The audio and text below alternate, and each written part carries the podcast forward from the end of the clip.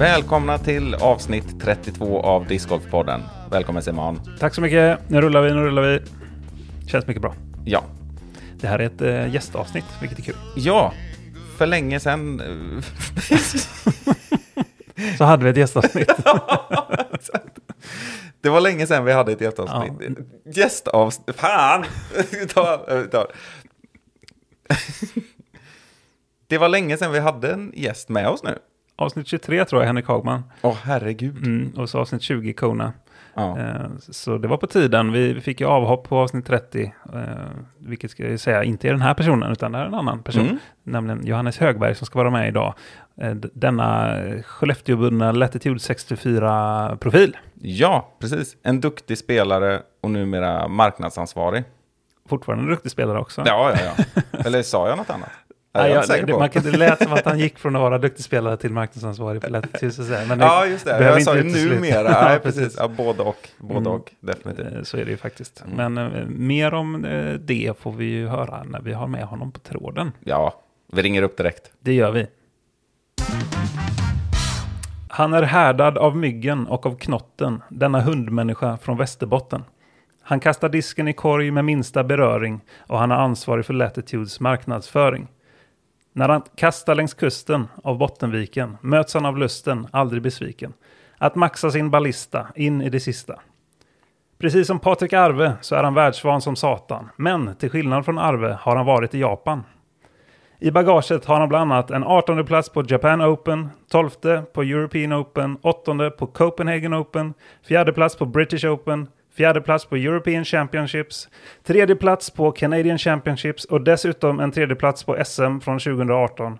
Och sist men inte minst så är han juniorvärldsmästare från år 2004. Vi välkomnar nu till vår intervju PDGA nummer 25307. Den meriterade herren från norr, Johannes Högberg. Wow, tackar.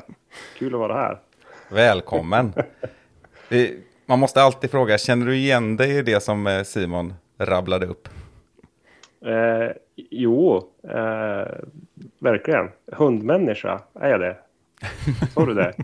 Ja, det sa jag. Jag, jag. jag har stalkat dig på Instagram och där såg jag att du hade några hundbilder. Så tänkte jag, ja men det, det, det är nog en hundmänniska, Johannes. Är det inte så? Alltså, jag har ju, ta, det, jag har ju tagit bilder till, för våra bite-diskar, marknadsföring. Är jag ju, jag är ju, jag är ju pälsallergiker. Men Ja, visserligen älskar jag ju hundar. Det är Ja, ett så. problem för mig. Eh, att jag är allergisk och, och gillar att klappa dem hela tiden då. Men jag har ingen, jag har ingen hund själv. Det var ju första gången Simon verkligen har misslyckats med en grej då. Ja, eller det var en klar bom. Klar bom från min sida. Ja, men jag tycker att du får den ändå. Alltså, jag, jag gillar ju hundar. Bara för att jag inte har en själv kan jag väl vara en hundmänniska. Det, Ja. det är en definitionsfråga. Kan vi inte säga att du stalkade honom på Instagram och tyckte att han såg ut som en mysig hund? Eller något? Just det, det är visuellt. Ja, nej, men, eh, Har du fått höra det förr Johannes? Eh, nej, men det är ju... Eh, det viktigaste är väl kanske de här olika meriterna då. Och där, eh, den här meritlistan är ju ganska lång. Och eh, man kan ju tydligt se att du har varit runt väldigt mycket och spelat i eh, många världsdelar och många länder. Och dessutom, eh, dessutom spelat väldigt bra. Är det något... Man kan väl se också att du var ute mer förr, så att säga, på de större tävlingarna runt om i världen, kanske, än det senaste. Är det något, eh, någon anledning till det specifikt? Ja, men jag la väl ner de, de större ambitionerna för ett, ett antal år sedan. Jag slutade träna i princip, alltså på ett, på ett målmedvetet och, och ja, med både kvantitet och kvalitet och mer bara kasta för att ha roligt. Mm. Ehm, någonstans där. Det är väl ja, nästan, nästan tio år sedan kanske. Innan det, innan det var jag mer seriös och hade kanske mer ambitioner. Och eh, vad var det som ledde till eh, den här eh, förändringen så att säga? Då? Nej men, eh, ja, det, var en, det var en väldigt bra fråga som jag inte ens kanske vet själv. Eh, kanske var nöjd och inte hade drivet och eh, att riktigt så här, ja men någon slags brytpunkt att, att nu måste jag, jag vill inte, jag vill inte vara, träna för att vara halvbra. Antingen måste jag gå all in för att bli riktigt bra eller så, eller så nöjer jag mig med att vara, kasta för att ha kul och så får det bli vad det blir. Mm. Eh, och satsa på andra saker här i livet. Ja, ja, men jag förstår. Men du har ju fortfarande en hög, eh, Eh, vad ska man säga, en, en hög eh, nivå på ditt spel med tanke på att eh, du kom ju trea som jag nämnde på SM 2018 och det är inte så fasligt länge sedan till exempel och du har ju spelat hyfsat bra på ett par SM även efter det vill jag minnas va? Mm, ja, jag hade, alltså när jag som la ner lite grann mentalt och, och slutade träna och så där så det var jobbigt ganska länge för det gick så dåligt eh, såklart när man slutade träna. Mm. Men, men min hjärna mentalt tyckte att när jag väl åkte på en tävling skulle jag vara lika bra som jag alltid varit. Mm. Så jag blev alltid besviken. Att ha- för höga mål eh, helt enkelt förstörde kanske både, eh, både resultatet i tävlingen men även eh, det, rolig, alltså, det roliga med att åka och träffa folk och kasta. Så jag kom till någon brytpunkt där någonstans. Eh, att ja, men antingen måste jag sluta tävla för det är inte kul när det är så här. Eh, eller så får jag ändra, skift, skifta hur jag tänker mentalt. Mm. Eh, att det är okej att vara exakt hur dålig som helst. Går jag min sämsta runda någonsin så må det vara hänt, för jag har inte tränat för det här på det sättet. Mm. Men av någon anledning så har det gått bättre efter det. Bara det där mentala skiftet funkade för mig på ett sätt som gjorde att jag blev bättre på att kasta. Är det liksom att ta bort eh, rädslan för att misslyckas som, eh, som var grejen då kanske? Jag vet, jag vet inte. Eh, men, men börjar jag tävling med en dubbelbogey så är, kul är det väl inte. Men jag är ändå i, i sammantaget ganska obrydd. Jag vet att jag, jag kommer, kunna somna gott i natt Mm. och vakna, vakna som en, en, en glad människa nästa dag. Eh, och ja, det verkar, vara, det verkar vara en positiv inver- inverkan att ha en, ha en sån syn på, på kastningen att det, det är okej att det går dåligt. Är inte det För någon- mig. Ja. Är inte det någonting du skulle ha med dig också in i, om du skulle vilja göra en ny satsning då? Visst, jag tänkte exakt det att när jag faktiskt ja, men, satsade och tränade, om jag hade kanske kommit till den insikten tidigare. Eh, Undrar, vad- ja, det kanske hade s- varit ännu högre resultat ännu oftare. Mm. Ja, Men, men, eh, men det är nog klokt. Det är Lite att sänka förväntningarna på något sätt för att, för att inte gå runt och vara ständigt besv- besviken. Eh, eller, eller så. Eh, Det är nog eh, nyttigt att liksom fylla sig med, med glädjefull energi så gott det går och så gott man kan. Ja, på något, på något sätt så jag njuter av varje, ny- varje ny birdie. Ja, Det är som att allt, eh, allt, varje birdie är en bonus. Och, och de är gratis, du har inte behövt kämpa för den med en massa träningstimmar. Nej, varje birdie är en bonus och, och allt annat är okej. mm. ja men det låter härligt tycker jag. Jag vill också passa på att fråga, när, när vi har med en framgångsrik spelare, hur du då tränade innan liksom? Alltså var det mycket, alltså hur ser träningen ut under en satsning? Hur såg den ut för dig? Eh, in, alltså, vi har ju en lång vinter här uppe i Skellefteå så att eh, försökte eh, putta väldigt mycket eh, vinterhalvåret. Eh, ibland hade vi tillgång till en, gymna- eller så en, en eh, gympahall och kunde kasta in ett nät och sådär. Eh, och sen försöka komma igång så tidigt som möjligt. När de har skottat grusplan här uppe i, uppe i Bergsbyn, typ skottat bort snön direkt så höll man koll på det och var ute och försökte. Men eh, eh, alltså lite sociala runder som möjligt och, och ut och nöta. Mm. Eh, lite blandat. Ibland gick man en runda själv och kastade tre diskar istället för en och försökte få lite kvantitet helt enkelt. Eh, hur, hur, I vilken fas är vi nu? För nu är vi i april. Har de skottat eh, grusplanen? är det snö? Jag tror, inte, jag tror inte, kanske. Nu kollar jag inte längre. Nej. Men, men eh, snön, är- snön håller på att smälta. Ja. Hur, hur mycket snö är det då? Eh, men det är kanske en decimeter eller något sånt där. Ja. Lite drygt kvar ute på discgolfterminalen. Mm. Ja, men då närmar det sig. Mm. Eh, Oh ja, det börjar klia i fingrarna. Ja, det kan jag förstå. Men en sak som jag alltid varit lite nyfiken på att höra kring eh, från olika personer så att säga. Du som är van med att både kasta i väldigt kallt väder och även på svenska sommaren är fortfarande varm även i Skellefteå så att säga. Eh, hur tycker du diskarna beter sig olika i, i, eh, på vintern respektive sommaren? Eh, det händer någonting eh, när det blir kallare än plus fem. Det är lite med luftfuktigheten, men det blir ju mer partiklar i luften. Mm. Mer saker som träffar disken som gör att den blir mer understabil. Ska det väl vara på något vet, vetenskapligt sätt.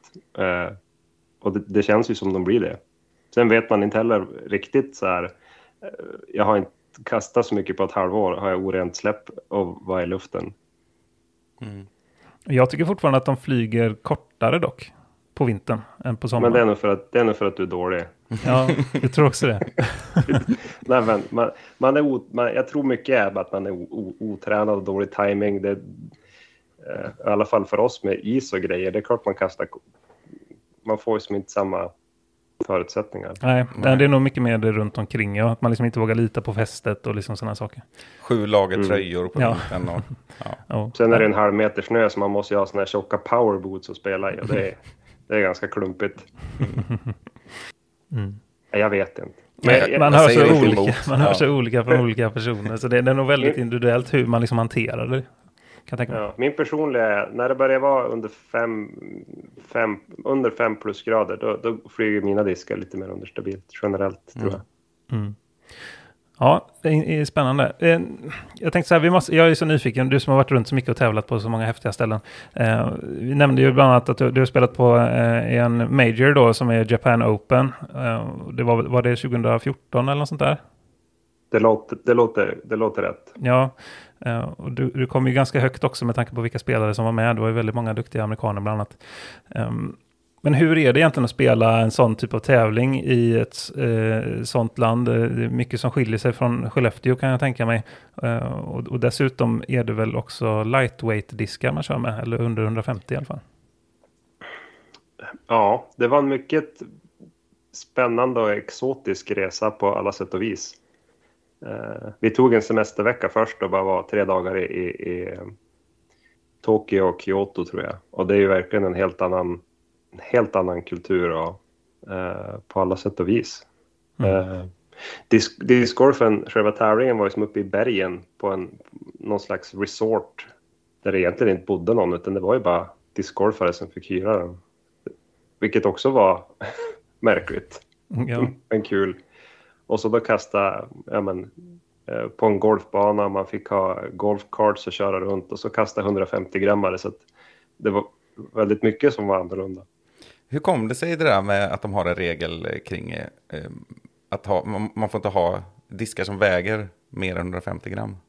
Jag vet, jag vet faktiskt inte säkert.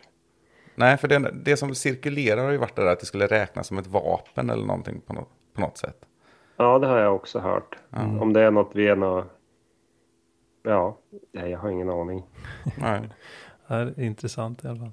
Eller så tyckte de bara att det är kul att kasta 150 grammar. Det är lättare att flyga lite längre. Ja.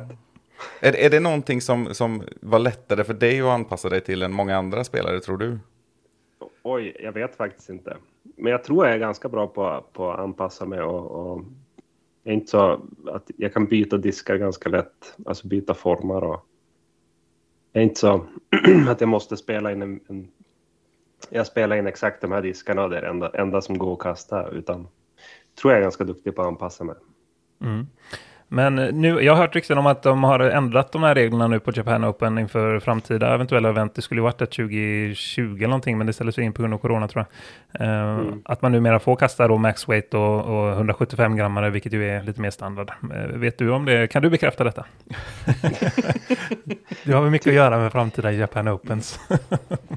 Tyvärr, jag, jag, jag har dålig kontakt med, med staben i Japan just senaste åren. Hur ser discgolfscenen ut i Japan? Och då tänker jag, när du var där, det var ju åtta år sedan, så det kan ju skilja sig nu, men du kan ju eventuellt ha koll lite på marknader också, tänker jag. Ja, jag har inte stenkoll just på Japan, men det har väl varit, det är så himla svårt för dem att, att få bygga banor. Eh, det är ju, det är ju, Japan är jättemycket berg och grejer. Så antal, alltså marken där man faktiskt kan göra typ en discgolfbana är ju är inte lätt att få till. Så att det, det är en svår, svår att det ska booma på ett sätt att du får, vilket många banor behövs för det. Mm. Så att det är väl ett gäng, ett gäng fanatiker som, som, eh, som håller på, höll jag på att säga. Eh, Ja, nej, men det är liten yta, mycket berg, mycket människor. Mm. Ja. Ja, Det är, liksom, eh, det är en svår, svår kombination för, för eh, att discgolf ska bli populärt. de har ju en, en storspelare som har hållit på länge som är Manabu Kadujama, kanske någonting sånt. Mm. Mm, det låter rätt. Som för Manabu. Ja, Manabu, ja precis. Som för övrigt du spelade väldigt jämnt med på Japan Open 2014 och såg jag. Jag så där. tror, jag tror han slog det med ett kast eller två eller någonting sånt. Rackarns. Ja, men eh, det hade ju annars varit en skalp på hemmaplan för honom och så vidare. Och han var väl en bit över 1020 ratad redan då tror jag. Ehm, Mm. men eh, kul att höra eh, om, om detta och vi får väl följa upp det vid tillfälle kanske om det dyker upp någon, någon mer sån här eh, Japan-tävling framöver. En fundering. Eh, Juniorvärldsmästare 2004, det klingar ju ändå ganska gott. Samma år som eh, Birgitta Lagerholm vann VM eh, på FPO-sidan och eh, dessutom hade vi en silvermedaljör på MPO va? Ja, Källström, eller hur? Johannes, kan du bekräfta detta? Nej, jag tror inte det var 2004. Nej, det kanske det inte var. Jag undrar om det var 2003, året före. Vi, vi börjar om, håller jag på att säga. Men jo, det så var det kanske. 2003 och 2007, ja. Det är, det är möjligt. Men hur som helst väldigt bra eh, år för svensk discgolf, får man väl säga. Eh, Mm. Klassar du det som liksom din största vinst fortfarande? Eh, eh, eller hur, hur, är, hur är känslan kring det? Oj, det var en bra fråga. Det, är, väl, det, är väl det är den coolaste titeln man kan ha. Mm. Världsmästare. Mm. Det är det ju definitivt. Sen är jag väl tävlingar det har varit bättre såklart. Mm. Eh, jag, vet, jag vet inte om det var så jättemånga bra discgolfare just på mitt junior-VM. Jag skulle just fråga Jag dig om det var liksom någon man känner igen från idag som, eh, som du slog där. Nej, det är inga toppnamn som jag slog tror jag. Nej. Jag ser 16. Colin 16. Mhm, Är det någon brorsa bror? till Nate kanske? Kan man ana? Så jag, jag spöade Nate 16s brorsa Ja. VM 2004. Ja. Det kan jag säga. Ja, det är inte så dumt. Nej, men du, och du, du vann ju överlägset också. 14 kast före tvåan. Ser jag. Ja. Det, Ja. det var... Eh, jag ryckte ifrån där i slutet om jag minns fel. Var ni över ett gäng svenskar då ändå? Kan man väl tänka sig, som reste tillsammans. Du åkte väl inte över som, eh, vad kan det varit, 19-åring? Nej, vi var ju, vi var ju kan vi vara, tio stycken kanske i alla fall. Erlandsson och Emil Isaksson och Bigge och Anki Frans och, och Anna Å, alltså Marcus. Visst heter hon Anna Åkesson? Ja, jag blir osäker. Ja, hon, hon var någon slags juniorledare i alla fall. Mhm. Och, och tog hand om mig lite grann sådär. Körde mig dit jag skulle och sånt. Och sa peppande ord om att jag var duktig och skulle fortsätta med det. Nej men det är skitkul. Eh, Jag tror att alla de där VM så var det var alltid ett gäng svenskar. Eh, ibland var det kanske fem och ibland var det kanske 15 men det, det är en ruggigt skön stämning eh, när man åker över sådär. Och Lite landslagskänsla såklart.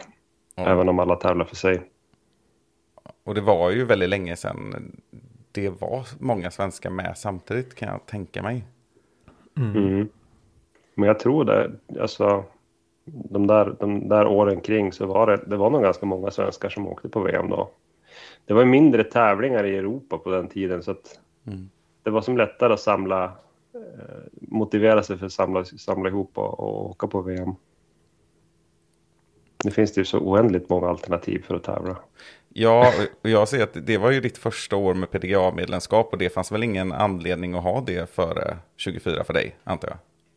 Nej, på den, på den tiden så det var när man åkte över för att spela en tävling i USA där man var tvungen att ha det. Mm. Eh, Just det. Hur länge hade du spelat innan det då? Jag tror att jag köpte min första disk 1995 Mm. och gjorde min första tävling 1999. Blev, blev övertygad av, av eh, damlegendaren Ulrika, Ulrika Wikberg. Som var väl superstjärnan på 90-talet eh, från Skellefteå, att jag skulle testa och tävla. Så jag körde, körde pojknorklass i Skellefteå Open och, och lyckades vinna. Ja, det är coolt. Sen, eh, sen efter det så var jag nog fast. Så du började ungefär när du var 10 och så började du tävla när du var 14 då, stämmer det? Mm. Ja, det önskar man ju att man gjorde. Man, kan börja, man kan önska att man börjar ännu tidigare. också. Ja, jo, det är klart. Så är det ju.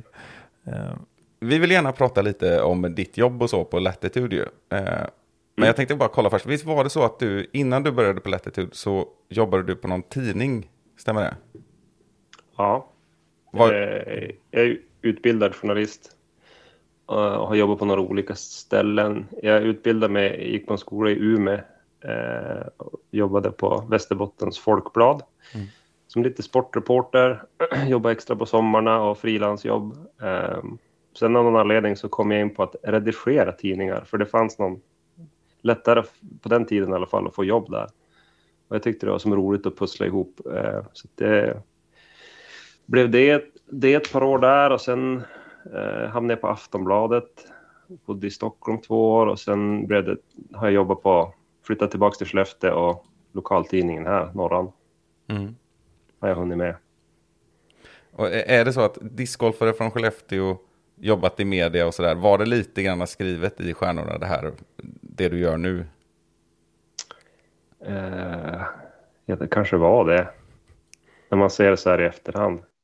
Men, men eh, ja, Jag tänker om det är en konspiration att Thomas Ekström typ eller någon annan har liksom pushat dig i, i kulisserna sådär till att nu ska han få någon sorts skolning här. Och det är Nej, lite läskigt att börja tänka så.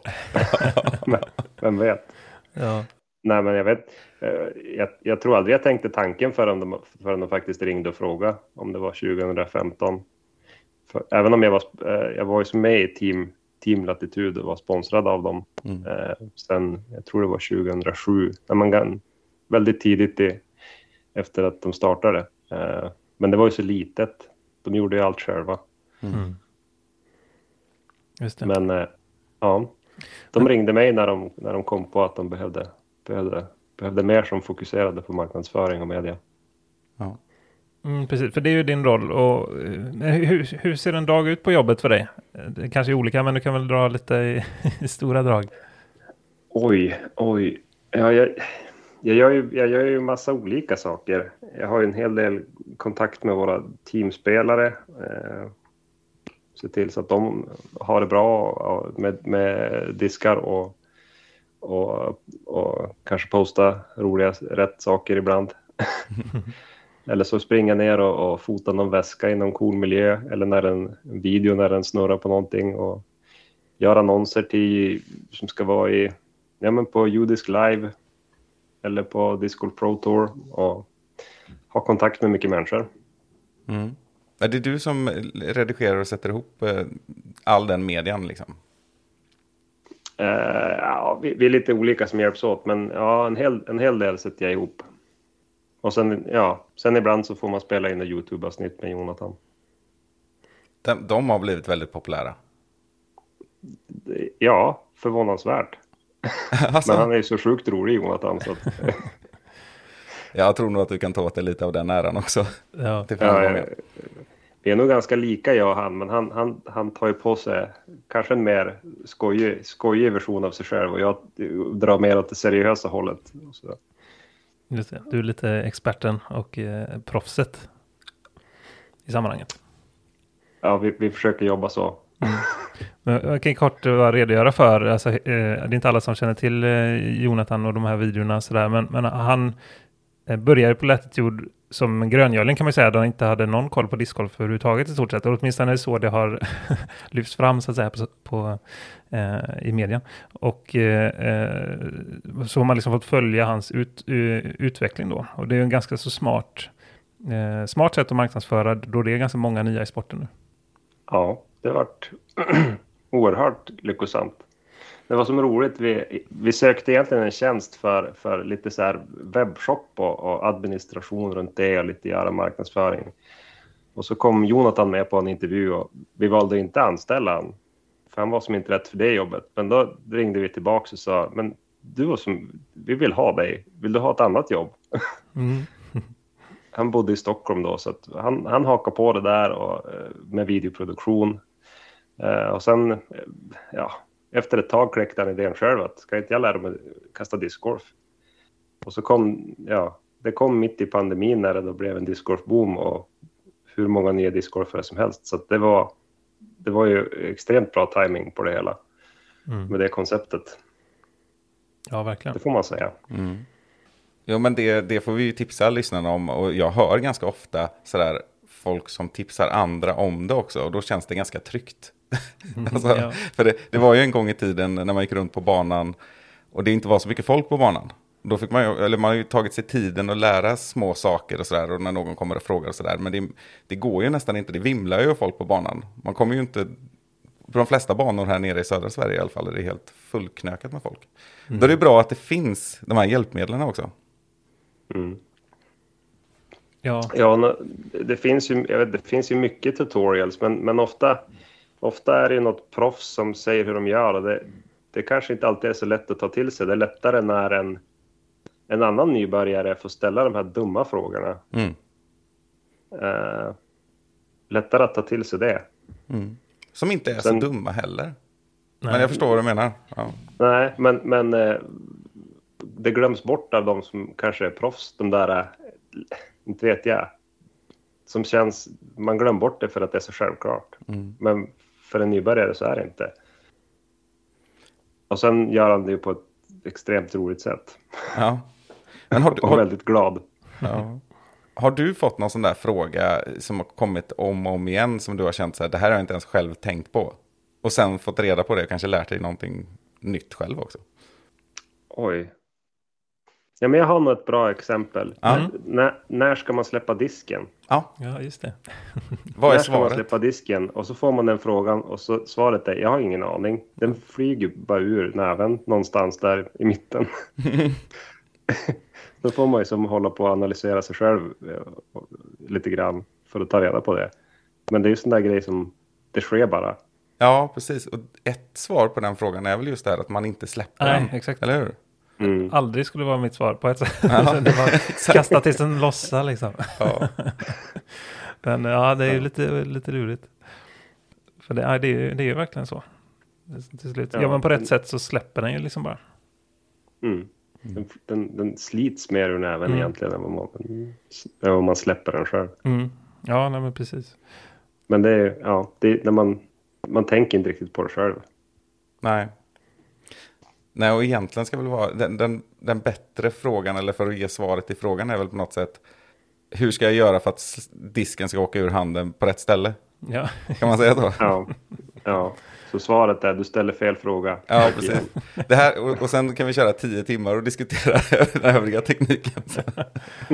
Ja, ja precis. hur lång tid har du? Men eh, jag jag är lite nyfiken på, har du varit involverad i, i som själva discgolfterminalen, den här kända fina banan i Skellefteå eh, på något sätt? Eh, eller, eller är du bara besökare så att säga? Eh, inte kanske i ut, utformningen och designen av hålen. Det är ju mer Toma, Thomas Ekströms eh, skötebarn med några till Mm. eh, som har hjälpts åt. Men jag har gjort mina arbetsdagar där eh, genom åren. Så nu känner jag att jag har varit med. varit med, en av många såklart, men Mm. det känns ju som min bana Ja, på, på ett sätt. det kan jag Inte bara, som en, inte bara som en besökare. Nej, ja, men det kan jag verkligen förstå. Och, nu ska ni ju husera eh, individuella SM här i år. Mhm. Kan du eh, bekräfta att banan kommer se ut som vanligt? Eller är det några roliga ändringar som man kan få eh, ta del av här i podden? Kommer vi få- vi få spela ett par sex? Ja, just det. Oj, eh, jag, jag är inte med. Jag har varit med i styrelsen förut, men nu har jag, som, jag har blivit pappa nu och köpt hus så att eh, jag har. Eh, jag är inte med i styrelsen längre eh, och inte med och, och arrangerar i SM-gruppen på något sätt, utan tänkte vara med som deltagare. Mm. Eh, så jag vet inte exakt vilken bana det blir. Men eh, det- det händer ju. Jag vet att hål 1 svart kommer den kommer att bli lite förändring på. Eh, det händer ju jättemycket i Skellefteå. De bygger ju en enorm batterifabrik här och det ska flytta in 10 000 personer. Eh, och det byggs överallt. Så de håller på att bygga en rondell där som har, har förstört korvplaceringen på Svarthålet. Aj då. Så den kanske får bli, den blir nog inte, inte, så, inte så här jättefarligt, men den blir nog några meter kortare. Så det kanske blir en par femma, vem vet? För det, nu, nu vill jag nästan formulera det som Simon här, men kan du bekräfta att det är det Sveriges enda par sexa eller är det, ja, jag har inte hört talas om någon i världen, inte på någon större bana i alla fall. Eh, Jag har, jag, jag har aldrig hört talas om någon annan par sexa heller. Nej. För det är ju faktiskt också en par sexa. Det var ju snack om, är det Northwood Black eller blandar ihop det där nu? Det var ju där det var VM, när Emerson gick så bra för ett par år sedan, så är det ett, ett hål som har diskuterats om huruvida det faktiskt är par, par sex. Håll 12. va? Mm, det är ja. det nog, där det som avslutas med en korridor av, av, av, av småträd sådär. Um, som är bevisligen då väldigt svårt. Och jag tror det är Coling som propagerar för det på Jomes hela tiden att ja, han fick en birdie, men så var det en, femma och egentligen eh, ett par Mm. då, så att säga. Ja, just det. Ehm, Jag har faktiskt, jag spelade hålet. ja, det. Mhm. Ja, jag var med, jag, jag var med när, när, jag var med på det VMet Ja, ja, ja. och åkte över. Eh, inte för att jag spelade något bra. Eh, j- jättedåligt faktiskt. Jag kom nog på nedre halvan. ja Men så kan det gå när man inte tränar. Precis. Men jag spelade i hålet och jag, det är nog ganska jämför, jämförbart i svårighet med, med svart 1 på terminalen. Jag skulle lätt kunna säga att det, jag tycker, jag håller med Coling. Det är nog, det borde nog vara en par sexa. Mm. Men det är lite så här, twe, lite så här tweener, Mm. tweener-grej. Ja, 5,5. Det är, inte, det är inte fel att ha det som en par 5 och det är inte fel som att ha det som en par 6. Men då, då vinner eh, Skellefteå helt enkelt på hål 1 svart där. Tänker vi. Ja, Ja. ja. Me- mest par sex i världen. Fram till rondellen då. ja, precis. Ja, Eller så det, är det någon som bygger något par 10 hål bara för att nu. ja, exakt. Det- Gjorde du också sånt när du var mindre, du som har spelat ganska länge, att du skulle spela fram och tillbaka till banan också och så siktar man liksom två kilometer bort med kompisarna på fotbollsmålet någonstans? Nej, det har jag aldrig gjort. Ja, jag, jag, jag, jag tog cykeln järnet till hål 1 och så spelade jag därifrån. Ja. Jag kanske är lite mer ordningsam av mig, inte lika rebellisk som du. Nej, precis. Det var ju några rutor som levde farligt i alla fall. Jag tror det var faktiskt någon kompis som satte någon disk genom en ruta. De som har varit i banan i Stenungsund vet att man måste ju ta sig igenom det här stora bostadsområdet Hasselbacken. Ja, just Och då var det väl sådär att ska jag springa in och ta den? Det står ju mitt namn på den. Namn och nummer. och så, ja, det kanske är bra att det står så här efterhand kan man känna som vuxen. Att, Ja, ring, ring dem, det är bra att de kan ringa hem. precis. Vi uppmanar inte till urban discgolf här. N- Nej, det är faktiskt en ganska dålig idé. Och inte lika kul som det låter, mer fnissigt än roligt. Ja, kanske inte att rekommendera. Nej. Jag vet inte. Nej, Men det låter som att du minns det med glädje. Ja, jo absolut. Det var ju det, var ju det närmsta adrenalin-junkie jag kom som ung tror jag.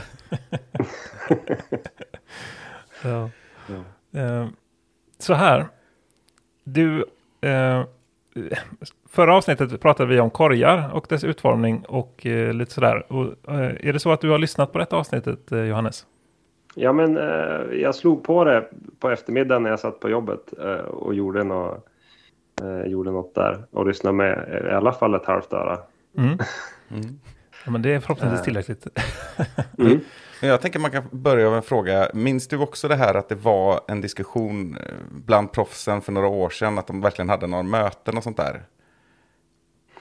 Nej, jag, jag minns inte att det pratades om just den, att de hade möten och grejer. Men eh, jag tyckte, of, eller ända sen, jag skulle vilja säga ända sen första, första mm, bullseye-korgen med, med enkelkedjor kom, så var det väl lite mer diskussion om, eh, är det för enkelt att putta? Eh, som kom lite nu och då. Mm. Är det för enkelt att putta? Eh, Jag vet inte. Eh, nej, jag tror inte. Nej. Jag, jag, tyckte, jag tyckte det kan vara skitsvårt. Mm. Där, där tror jag att det, det var det minst kontroversiella någon har sagt i den här podden. Men det jag håller ju med dig. Ja. Alltså, Jag har missat så många 3-4 meters puttare ja. i, i mina dagar. Eh, det beror på vad man... eh, jag jag tyck, tyckte det är många som jämför med golf så mycket. Eh, och ofta att det, det ser så konstigt ut när det är så många minus.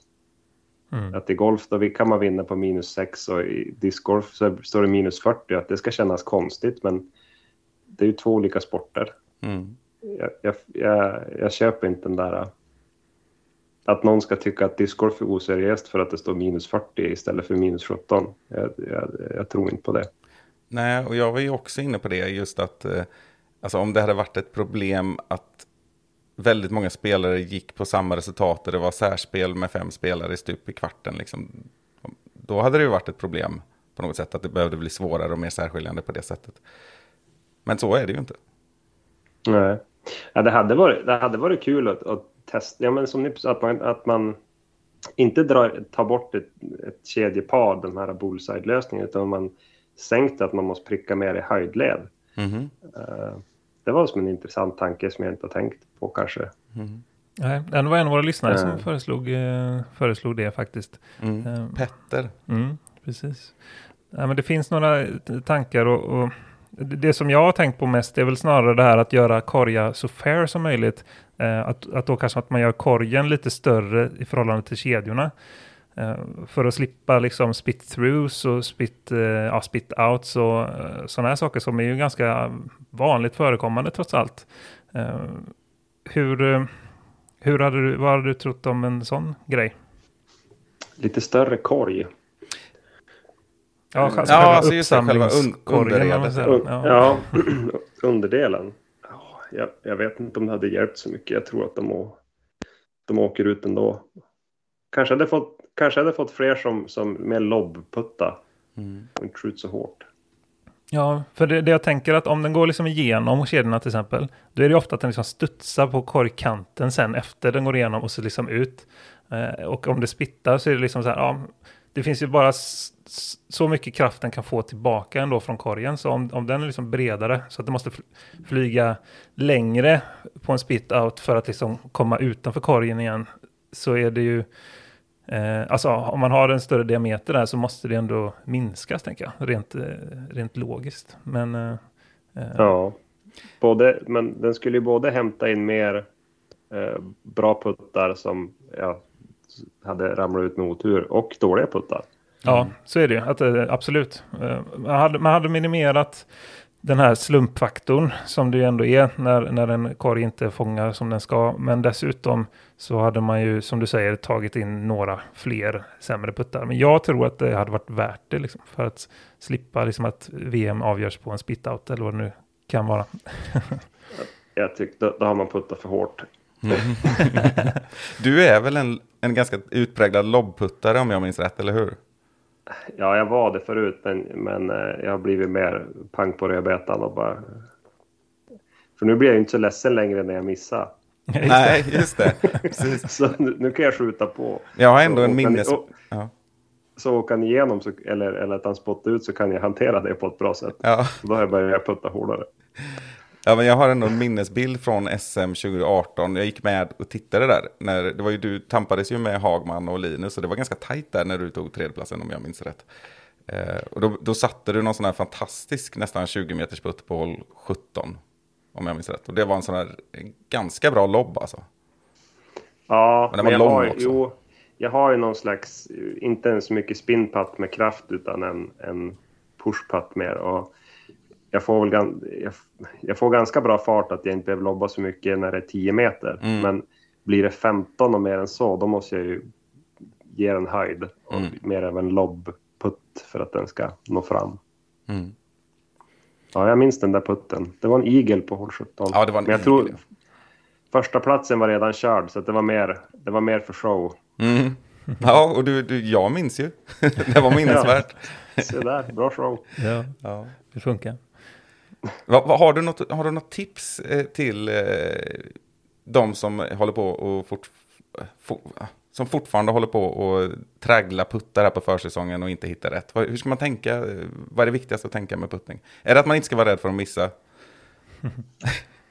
Ja, var avslappnad.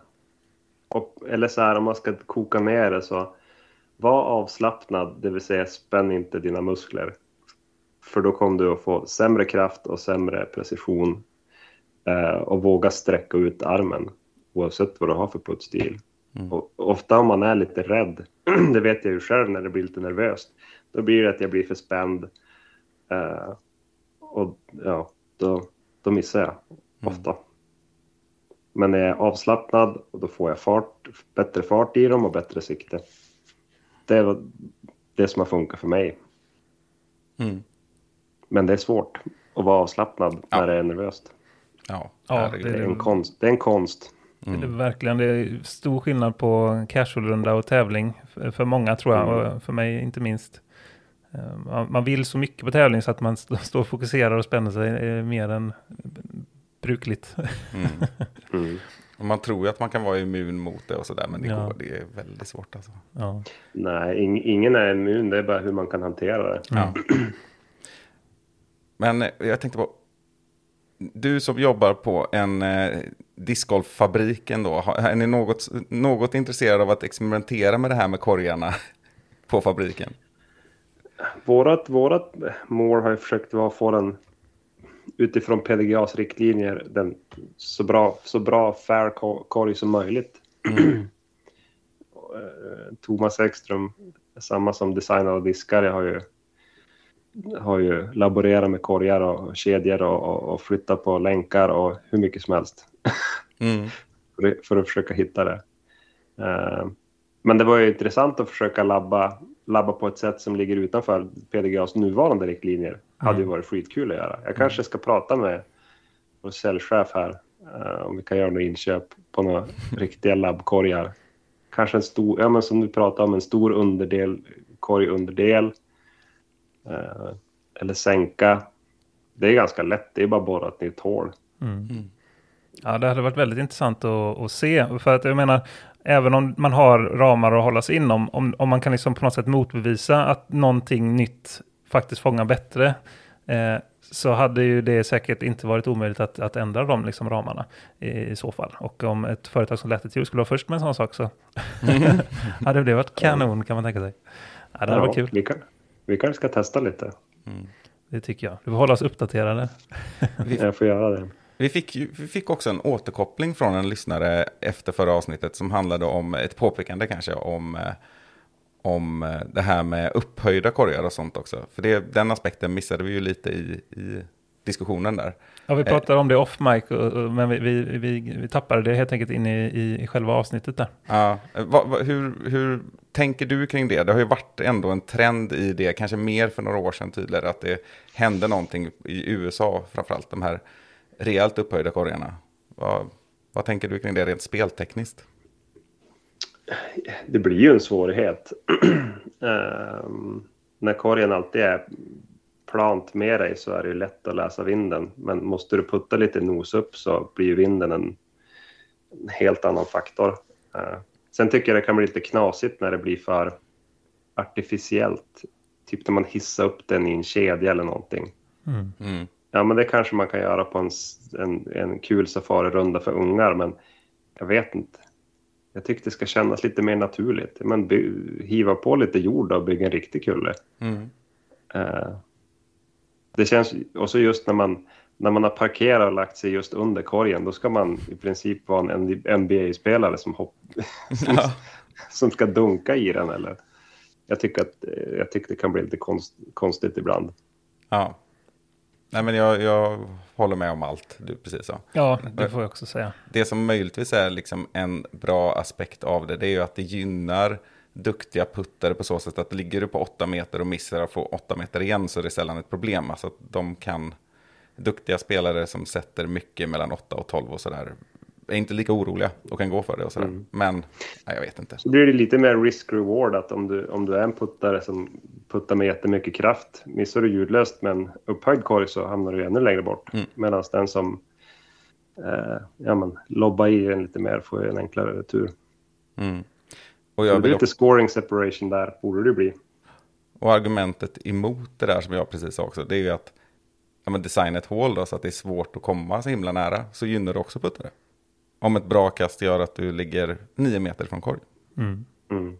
Så det går, Ja, nej men eh, alla bra banor ha, ska ha bra variation på olika sätt. Och lite, lite upphöjda korgar, kör.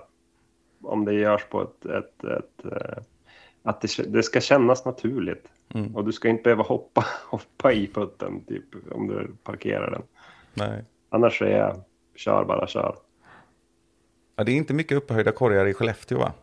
Nej, men vi har ju ingen... vi, vi, vi har nog en upphöjd, men det, vi, då byggde vi en kulle för att få till det. Ja. Mm.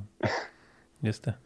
Det var inte så länge sedan vi fick se, var det, det var väl på eh, Texas State Championship va? Där hål 1 där, typ 120 meter eller någonting och så eh, en s- stor jäkla pyramid. På, det måste ha varit fyra meter hög eller någonting. Mm. Eh, Mm. och där såg man ju att det kan vara lite tufft, speciellt i vinden. Eh, helt klart. Vad tycker du om sådana här pyramider då? Eh, För, för då, då kan man i alla fall gå upp och eh, hämta, då behöver du inte hoppa upp. Ja, nej, men då har jag, jag har ju, då har jag plötsligt inga argument mot. Lägger man den under korgen så, så kan man ju lägga den, då är man ju, då är man ju vid korgen. Det där är var ju-. Det där var ju extremt sällan, alltså nu har jag inte sett allt, men det var ju väldigt sällan någon överhuvudtaget kom på första steget egentligen. Ja, nej, buss. precis. Nej, det, det var ju, det var ju det- hal alltså. Det är jättesvårt att hamna där. Ja, På, på första kastet i alla fall. ja. Ja, ja, ja det, det är ju det är en udda konstruktion. Mm. På den banan och ett hål, ja men det, är som, Ja. det blir som något signum för en. Mm. Sen så, om de skulle göra det på 18 hål, då skulle man ju börja fundera vad de, vad de håller på med. Jag börjar, börjar titta på bowling istället. Ja, ja, Det är också riktiga sådana diskdödare liksom. Du får en liksom disk som kastar 120 meter rätt in i kanten på de här liksom stenbumlingarna Ja, ja, ja. bumlingarna där. Det, det är nog inte helt... Nej, gud, ja, det är alltså. inte riktigt naturligt. Nej. Tänk om alla banor man spelar, spelar på skulle bli väldigt mycket upphöjda korgar. Då- Alltså, då skulle jag också börja med paddel istället. Så, Det är jobbigt också att gå upp och hämta den. ja, precis. För jag börjar, man börjar ju som bli gammal. Ja, Ska man gå upp för de där?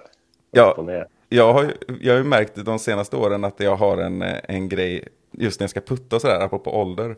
Det är att jag, jag vill gärna fram och markera ganska tidigt, även om det inte är min tur eh, innan jag ska putta. För att om jag böjer mig ner så tappar jag lite blodtrycket, så jag behöver liksom återhämta mig en stund. och så vet jag inte så här, ska jag säga detta eller ska jag, jag får väl verka ivrig då, eller ska jag verka gammal? Ja, ja, ja. den har jag aldrig gjort. Nej, Men jag, först, men jag förstår dig. Ja, det går, det går lite lågt blodtryck i, i släkten också. Ja. Så Eller så kan vi bara låta disken ligga kvar.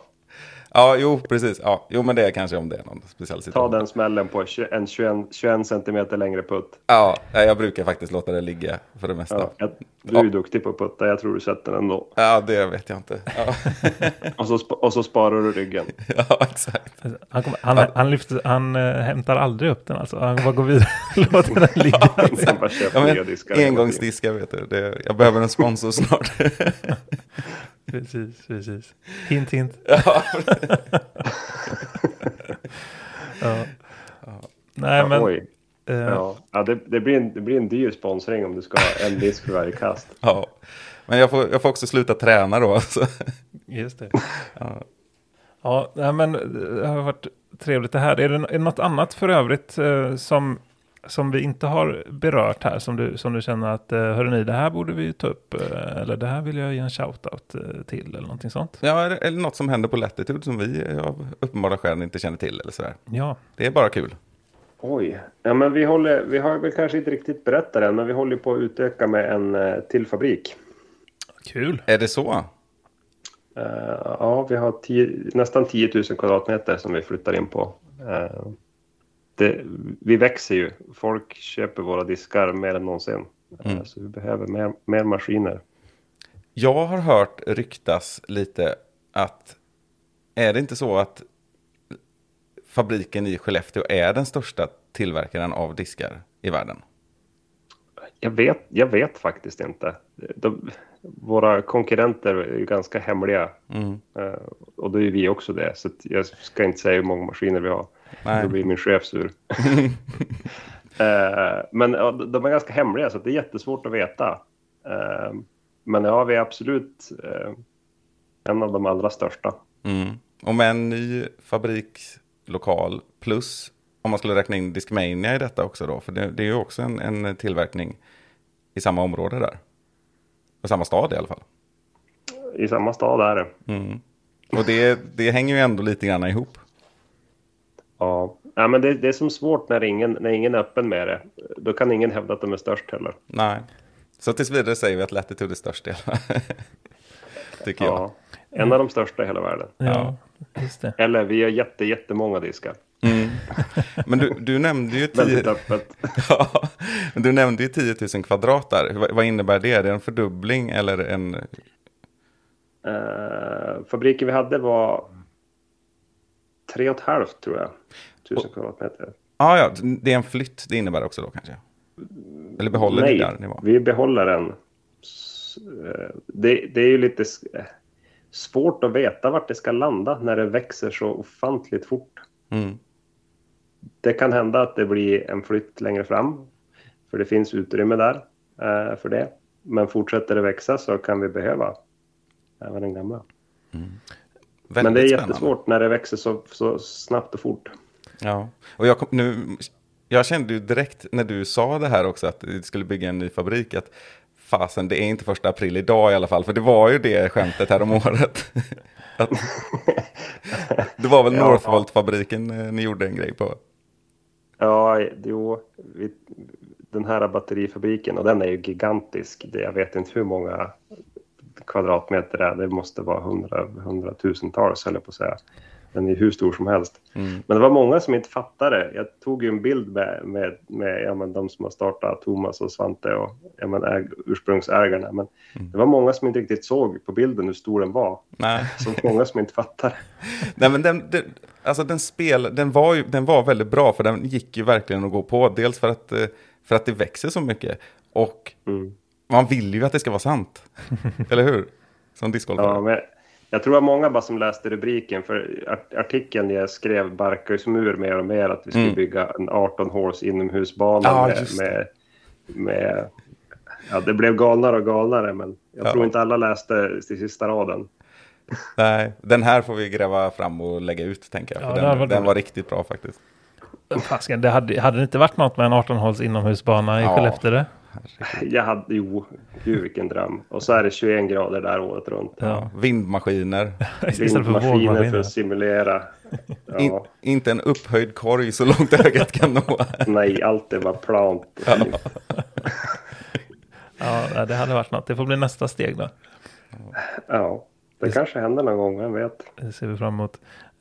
Det- Avslutningsvis här tänkte jag också. Det är ju ett nytt samarbete mellan Kasta Plast och Latitude 64. Kan du redogöra lite för det? Ja, vi går in eh, Latitudes moderbolag så att säga. Eh, går in och blir delägare tillsammans med Kasta Plast. De har ju aldrig ägt en egen maskin kan man säga utan ja, men, hyrt plats och haft andra som har gjort det, själva, själva riktigt produktionen på det sättet. Mm. Men det har varit svårt för dem att få, få volym då. Och kanske styra det riktigt. Så att vi, vi eh, produktionen av diskarna gör, flyttar upp till, till, eh, till Skellefteå. Mm. Och det ska väl ge mer volym. Alltså, och mer kunna styra det. Mer. Så det, det blir kul. Men tanken är ju fortfarande, som man förstod det när de gick ut med det också, att det, det är separata märken om man kommer känna igen sig i plaster och så vidare. Det är själva Mm. produktionsbiten som är, Mm. går in där. Så blir det. Mm. Sen kommer det, ja men det, ja, de är, de är fortsatt sitt eget märke. Eh, vår lat, teamspelare för Latitude kommer, kommer inte spela med Kasta Plast eller vice versa, utan Kasta Plast är Kasta Plast. Diskarna görs i en fabrik i Skellefteå. Vad bra att du sa det, för det här var en fråga man hade känt efteråt att det var den vi skulle ställa också. Det är nog många som kan tänka på också. Jag har, ja, frågan har jag har fått den redan. så jag tänkte jag tar den nu. Ja, det är lika bra. Kanon. Men då tror jag vi ska tacka så väldigt mycket för den här eh, stunden vi har fått ha med dig och det har varit jättetrevligt att ha dig på tråden som man brukar säga. Ja, men tack själv. Det var ju både kul och intressant det här. Mm. Vi får höras igen och vi ses ju i alla fall eh, till SM. Ja, Mm. Och förhoppningsvis innan dess också. Ska du ut och tävla någonting eh, innan dess? jag, jag vet inte. Eh, jag tror inte det. Nej. Eh, jag ska väl åka på någon... Eh, jag och Jonathan eh, ska åka till eh, Emporia, Kansas för Dynamic Disc Open. Just det. Men då blir det jobbigt så att jag s- ska inte fara dit och tävla utan det blir en jobbresa. Eh, sen tror jag vi ska åka till Tyni. Eh, så där kommer jag. Eh, så tävlingsmässigt tror jag det blir SM. Mm. Jag har ju, en, jag har ju ett hus, hus att ta hand om och, en, en unge att ta hand om och, så- och en familj. Så att, Mm. tävlandet blir nog ganska, ganska låg nivå i alla fall i år. Ja. Men det är både, Skellefteå har ju både SM och eh, en del tävling i S, eh, Swedish Disc Golf Pro Tour. Minst två tävlingar ska jag vara med på i år. Och Luleå borde väl kunna ligga ganska bra nationella touren där veckan innan också. Jag har sneglat på den men inte, inte frågat med chefen här hemma. Nej, det borde ju vara ett rimligt genrep kan man tycka. Ja, ja det, det, finns, det finns goda chanser tror jag. Mm. Det låter bra det.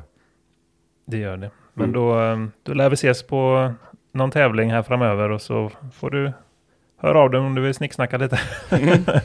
Du vet vart vi finns, det är bara att ringa. Jajamän, jajamän, jag har numret. Ja, gott så. Ja, men då får du ta hand om dig Johannes så, så hörs vi av. Ja men du, ha det bra. Ha det Hej, fint. hej.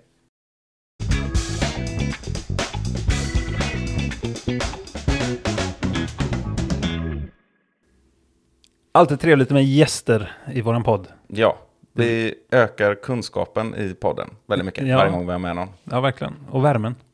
Och det är skönt med någon annan som får svara på saker. Jag vet inte. Ja, annars sätter vi varandra mot väggen hela tiden. Ja, det är ju verkligen det vi gör. Nej, men man får prestera så mycket innehåll. Jag vet inte. Nej, gud, det är inte alls jobbigt. Nej, det är det ju inte i och för sig. Nej, Nej, men det, det, var, det var helt eh, klart kul att ha med Johannes i alla fall. verkligen.